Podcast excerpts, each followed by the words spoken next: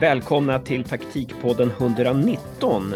Vi fortsätter diskutera Game Insight med Game Insights kreatör och skapare, grundare och tillika vår medproducent här på taktikpodden John Wall. Välkommen John!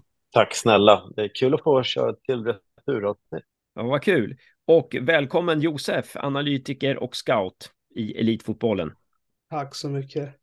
Ja, men förra avsnittet så pratade vi lite om Game Insight, hur det hade kommit till, vad konkurrensfördelarna var, att det är en plattform som är gjord för fotbollsproffs, för fotbollsproffs och fotbollsamatörer. Man kan säga att det är social media enbart för fotboll, där man delar Eh, där man kan spara allt man gör utan att dela, men man kan också eh, dela eh, träningsupplägg och det finns en chans för klubbar också att dokumentera det man gör år efter år, träning efter träning för träning, så att det där inte försvinner med tränare och spelare och, och ledare i klubben. Men om vi ska blicka in i framtiden John, ni har ju då eh, anslutna klubbar över hela världen och eh, många svenska klubbar är anslutna, bland annat Hammarby och Häcken. Vad säger du John, om du blickar in i framtiden här, vad finns det något eh, du skulle vilja utveckla mer? Det finns väldigt mycket jag vill utveckla. Istället för att det är bara mer och mer features eller verktyg som en användare får så vill jag också utveckla nätverket ytterligare mycket mer att det blir mer lättillgängligt. Att vem som helst kan plocka upp den och sen eh, starta igång sin egen klubb för att det är många som tröttnat på det vardagliga fotbollsmässiga grunderna. Att klubben kan ibland bli föråldrad. Medan den yngre generationen vill skapa det väldigt snabbt och gå till action och bygga det på sina premisser. Jag tror också att fotbollsklubbar, att många kommer gå i graven så småningom. Det kommer bli mer större organisationer för att till, eh, tillgodogöra sig eller tillgodose kraven från alla. Men jag tror också att till slut så tror jag eh, att vi kanske blir en utbildande och en erkänd plattform som egentligen kan tolkas som en klubb. Och där kanske det finns en framtid fem till tio år att vi kanske blir de som faktiskt kan hävda att vi ska ha en del av solidaritet och utbildningsbidraget så småningom. Samtidigt som jag tror att det är väldigt många som kan erbjuda tjänster på en marknad som bör vara lätt, mer lättillgänglig och som är väldigt fotbollsspecifik. Så att det finns tre stora cirklar som jag vill liksom få ihop egentligen. Men jag får se om jag kommer lyckas tillsammans med alla andra på gamet. Hur prioriterar ni utvecklingen? Eh, det, kan, det måste vara flera inom Game Insight som har tankar om att det här ska vi utveckla. Det här vill vi göra. Så ja, hur gör ni? Det är alltid den här att om vi bara lyssnar på kunden så kommer det alltid finnas en uppsjö av saker att göra. Men ibland så handlar det om att ge kunden det de inte trodde att de behövde, men som sen när de fick det inte kan leva utan det. Nu tror jag att det är Steve Jobs som gjorde det bäst av alla faktiskt. Eh, uh, iPhone behövde inte marknaden, men när den väl fick den så kunde den inte leva utan den. Mer och mer hur står vi inför metaverse så småningom? För att redan där jag är nu så börjar jag bli passé. Liksom. Det är så jobbigt det är. Och skulle jag bara göra det för min generation så skulle marknaden bli jäkligt smal.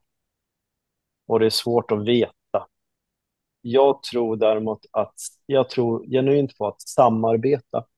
Att många saker de andra gör jäkligt bra. De behöver inte jag gå in på i deras sfär. Som videomarknaden, analys och sådär, den är jäkligt, den är stentung. där tror jag att hitta samarbete med de som gör det bra istället, att vi är tillräckligt öppen för det. Att det är andra som eh, gör vissa utbildningsdelar jäkligt bra. Nu har Fifa till och med börjat göra det för sina, alla sina federationer till exempel. Och då handlar det om vad är det de som de inte gör som vi faktiskt kan tillgodose. Och sen tro på tillfällen där många kan ha, jag tror på nästan den här widget-formatet på en plattform, att den kan nästan personalisera så mycket att de ser det som sin förlängda hand. Det, det. det, tror jag. Jag tror på individen, eh, frihet och val väldigt mycket. Det liksom starka grundvalar för mig. Mm. Det är intressant det här när du... För att svara ja. på Josefs fråga lite grann så tror jag att det är en viss del som det här kan vi tillgodose nu inom kort tid. Ja, det där är lite längre och sen har vi en roadmap såklart som vi förhåller oss till hyfsat utan att tappa flexibiliteten. Ja. Och jag förstår, ni kan, du, kan inte, du, kan inte, du kan ju inte avslöja allt för mycket i och med att eh, eh, ni planerar saker och ting som, som ni vill vara ensamma om. Och det, det, det, och det är ju ganska spännande också. Men det är intressant det här, för att återkomma till det här med eh, att olika generationer vill ha olika saker. Hur känner du där, de unga tränarna, unga fotbollsspelare, unga analytiker, och så här, vad har de för behov, eh, eh ser du, som, som, som liksom, eh, eller vad vill de göra eh, som, som din generation? Eh, liksom, där, där skiljer, var skiljer sig din generation från, från liksom den här de här unga som kommer fram? Jag är ju den här generationen som förmodligen står med ena foten i det analoga och den andra foten i det digitala. Den yngre generationen är naturligtvis extremt digitaliserad eh, medan då egentligen att de tror jag behöver konstant inspireras men jag kan inte tillgodose deras törst på eh, material, kunskap, att det ska ske så ögonblickligen. Och jag tror att här så ska var och en som är inne hos oss kunna vara som ett, sitt eget bolag.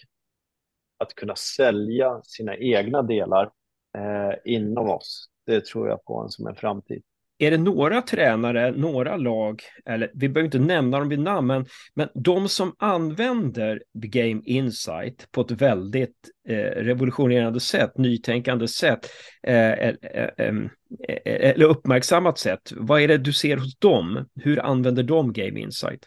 Jag tycker det framförallt blir att de har det samlat på ett ställe. De kan vara tydligare med det de vill i sin kommunikation med inför träning, efter träning. De kan samla sina typ reflektioner och liknande. Och de kan framförallt ha koll på sin trupp och även sin klubb ganska lättmanövrerat. Och att det är enkelt konstant. Det krävs inte timmar för att förstå systemet om man ska säga så, utan det är ganska, aha, det här kan jag relatera till ganska snabbt. De gör det betydligt enklare genom att de har tillgång till alla sina träningar som de har gjort. De har tillgång till allt sitt videomaterial hos oss som de vill egentligen då när de i sin process har kommit till den punkten att de vill presentera och ta det med spelarna. Och även att sportchefen eller den som är akademiansvarig eller när som har koll på alla trupper, hur det står till rent träningsmässigt och även matchmässigt det har varit vår, liksom, våran kärna, att få kontroll på det på ett lätt överskådligt sätt. Och det måste vara otroligt bra för en ny tränare som kommer till en klubb och som kan komma in och titta på, eller en ny ledare bara i klubben, att kan kolla, ja, hur, hur har vi jobbat de senaste åren? Eh, det måste vara en otrolig fördel eh, eh, att se det rent praktiskt där. Liksom. Jag tycker att det borde vara så, för tänk om onboarding av nya tränare till klubbar skulle kunna ske så smärtfritt och tänka att de kan börja från där man är istället för där man önskar att man vore. Jag satt och tänkte på det här att om man då samlar allting och har ett sånt, ska man säga, ett bra flöde, man har kontroll, klubben kontrollerar alla delar. Kan inte det här nästan till då ersätta personal också i långa loppet? Att man behöver inte lika många för att ta, för att säga över att klubben mår bra och går åt rätt håll. Framförallt så är det, om man ska ta ett svenskt perspektiv som alla kan relatera till mycket lättare, så är det ju någonstans mellan amatör till semiprofessionell. Och den, den övergången är fortfarande extremt smärtsamt svår för klubbar. Fortfarande så bedöms fotboll som en eh, fritidsverksamhet, eh, medan den är så mycket mer. Det kan vara ett, ett mindre bolag och samtidigt så får man inte riktigt skäligt betalt för det man gör sett i timmar. Men åtminstone kan vi ge alla en fair möjlighet till att kompetensen kan kvarstå mycket längre än att en tränare kommer in, Den klarar inte den, eh, dels krav men även vad man får tillbaka, den balansen tillgodoses. Mer än att man kan ratta en klubb på distans. Men samtidigt så ger det en möjlighet till att fler kan vara involverade, om än på en mindre nivå, och ge genom det här att de kan vara involverade fast i en mindre roll. För en klubb är det ofta så att du har en arbetsbeskrivning när du kommer in, men den stämmer inte alls överens med vad verkligheten är. Eh, det är snarare allting som inte står på arbetsbeskrivningen du slutar med att du får göra. Och att för mig så slår jag vakt om att fotbollen är kärnverksamheten. Inte Bingolotto eller den andra stödverksamheten som att det ska göra att det rullar. Och att den, om den produkten blir bättre så kommer också ekonomin bli bättre. Jag lovar. Mm. Mm. Det, där är ju, det där är ju en väldigt viktig punkt och eh, jag, jag, tror inte, jag, bara för att understryka hur viktigt det är det som du säger här eh, för våra lyssnare, alltså att det är många klubbar som, som, som har fått för sig att det klubben eller fotbollslaget eh, är, eh, består av det mest, eh, eh, ja, det är inte bara det som görs på planen eller det som görs eh, för att få bra resultat, utan det är massa andra saker som hamnar i fokus eh, till slut. Att det, det, det blir lika viktigt att sälja kaffe som att som att spela fotboll och, och det är det ju faktiskt inte. Och det, det, jag tycker det, det där är en ganska revolutionerande och insiktsfull och ganska spetsig tanke faktiskt eh, när det gäller elitfotbollen i Sverige. Det, det, är så mycket som tar fokus från fotbollen faktiskt. Ehm, och eh, där tror jag Game Insight gör en, en, en, en, en väldig insats, alltså eh, att vi kan fokusera på fotbollen. Ja, men även för klubbar som inte kanske som ligger i gränslandet. Svensk klubblagsfotboll har halkat efter någonting extremt utifrån en internationell jämförelse. Och det innebär att vi kan beklaga oss med pengainflöden och inte, men genererar inte kärnverksamheten tillräckligt mycket och tillräckligt bra, då blir ju det en konsekvens då, helt enkelt. Eh, jag tror att våga utsätta sig själv för att tänka fem till sju år istället för att det som händer här och nu, att vi bara ska fixa det. Mm. Och det är därför jag också är extremt tveksam till 51% regeln men det är en annan separat diskussion. Men det finns möjligheter där alla liksom någonstans dukar under till de här vardagliga tingen och det tar över från det som är egentligen kärnverksamheten, vilket är fotboll. Mm. Och det negativa, bara så folk förstår, det negativa med 51-procentsregeln är ju faktiskt att vi har ett högsta beslutande organ som är styrelsen i klubben eh, som sitter oftast med den, den minsta kunskapen, har otroligt mycket makt och där det är därför det går fel på många sätt i, i, i många klubbar. Men man kan väl säga så här då att eh, att Game Insight är, är ett, ett sätt också för klubbarna att behålla en kontinuitet, att, att få kontinuitet, att kunna gå tillbaka och se vad gjorde vi egentligen här? Det, det ligger inte längre i, i tränarnas huvuden. Svaret finns inte i tränarnas huvud, utan det finns faktiskt på pränt. Det ligger där i Game Insight, i, i, i klubbens eh, eh dokument när en tränare går som Milojevic går ifrån Hammarby skulle Hammarby fortfarande ha, kunna ha kvar vissa saker. Ja, men det här gjorde Milojevic, det här gjorde vi på hans tid och det här var faktiskt ganska intressant. Det här, det här får vi inte glömma. Eh, att, att, eh, för det är också en, en, någonting som jag tänker att många klubbar har, har, har lätt att glömma. Spelare byts ut, styrelse byts ut och, och eh, det, det, det är svårt att hålla fast i det här som de här små sakerna som, som var bra och, och, som gjordes på vägen, att det, det, det, blir lätt luft. Men, men med Game Insight så finns det en chans att behålla det här, eller? Har jag rätt? Precis, och det, det är en av liksom, faktorerna och samtidigt som att i förlängningen så vill vi att eh, död, eller ta bort en hel del av glastaken som existerar inom fotbollen, eh, vilket innebär att rekrytering och liknande inom de här 98 procenten ska jag säga igen, blir oftast utifrån eh, någon som känner någon och så vidare. Medan det kanske är någon som är yngre eller att den kommer från en annan bakgrund eller oavsett vad har en bättre match med eh, klubben och som kan ju faktiskt de facto göra ett bättre jobb. Så att det ska inte finnas cirklar av tillhörighet. Jag vill egentligen öppna det rakt av.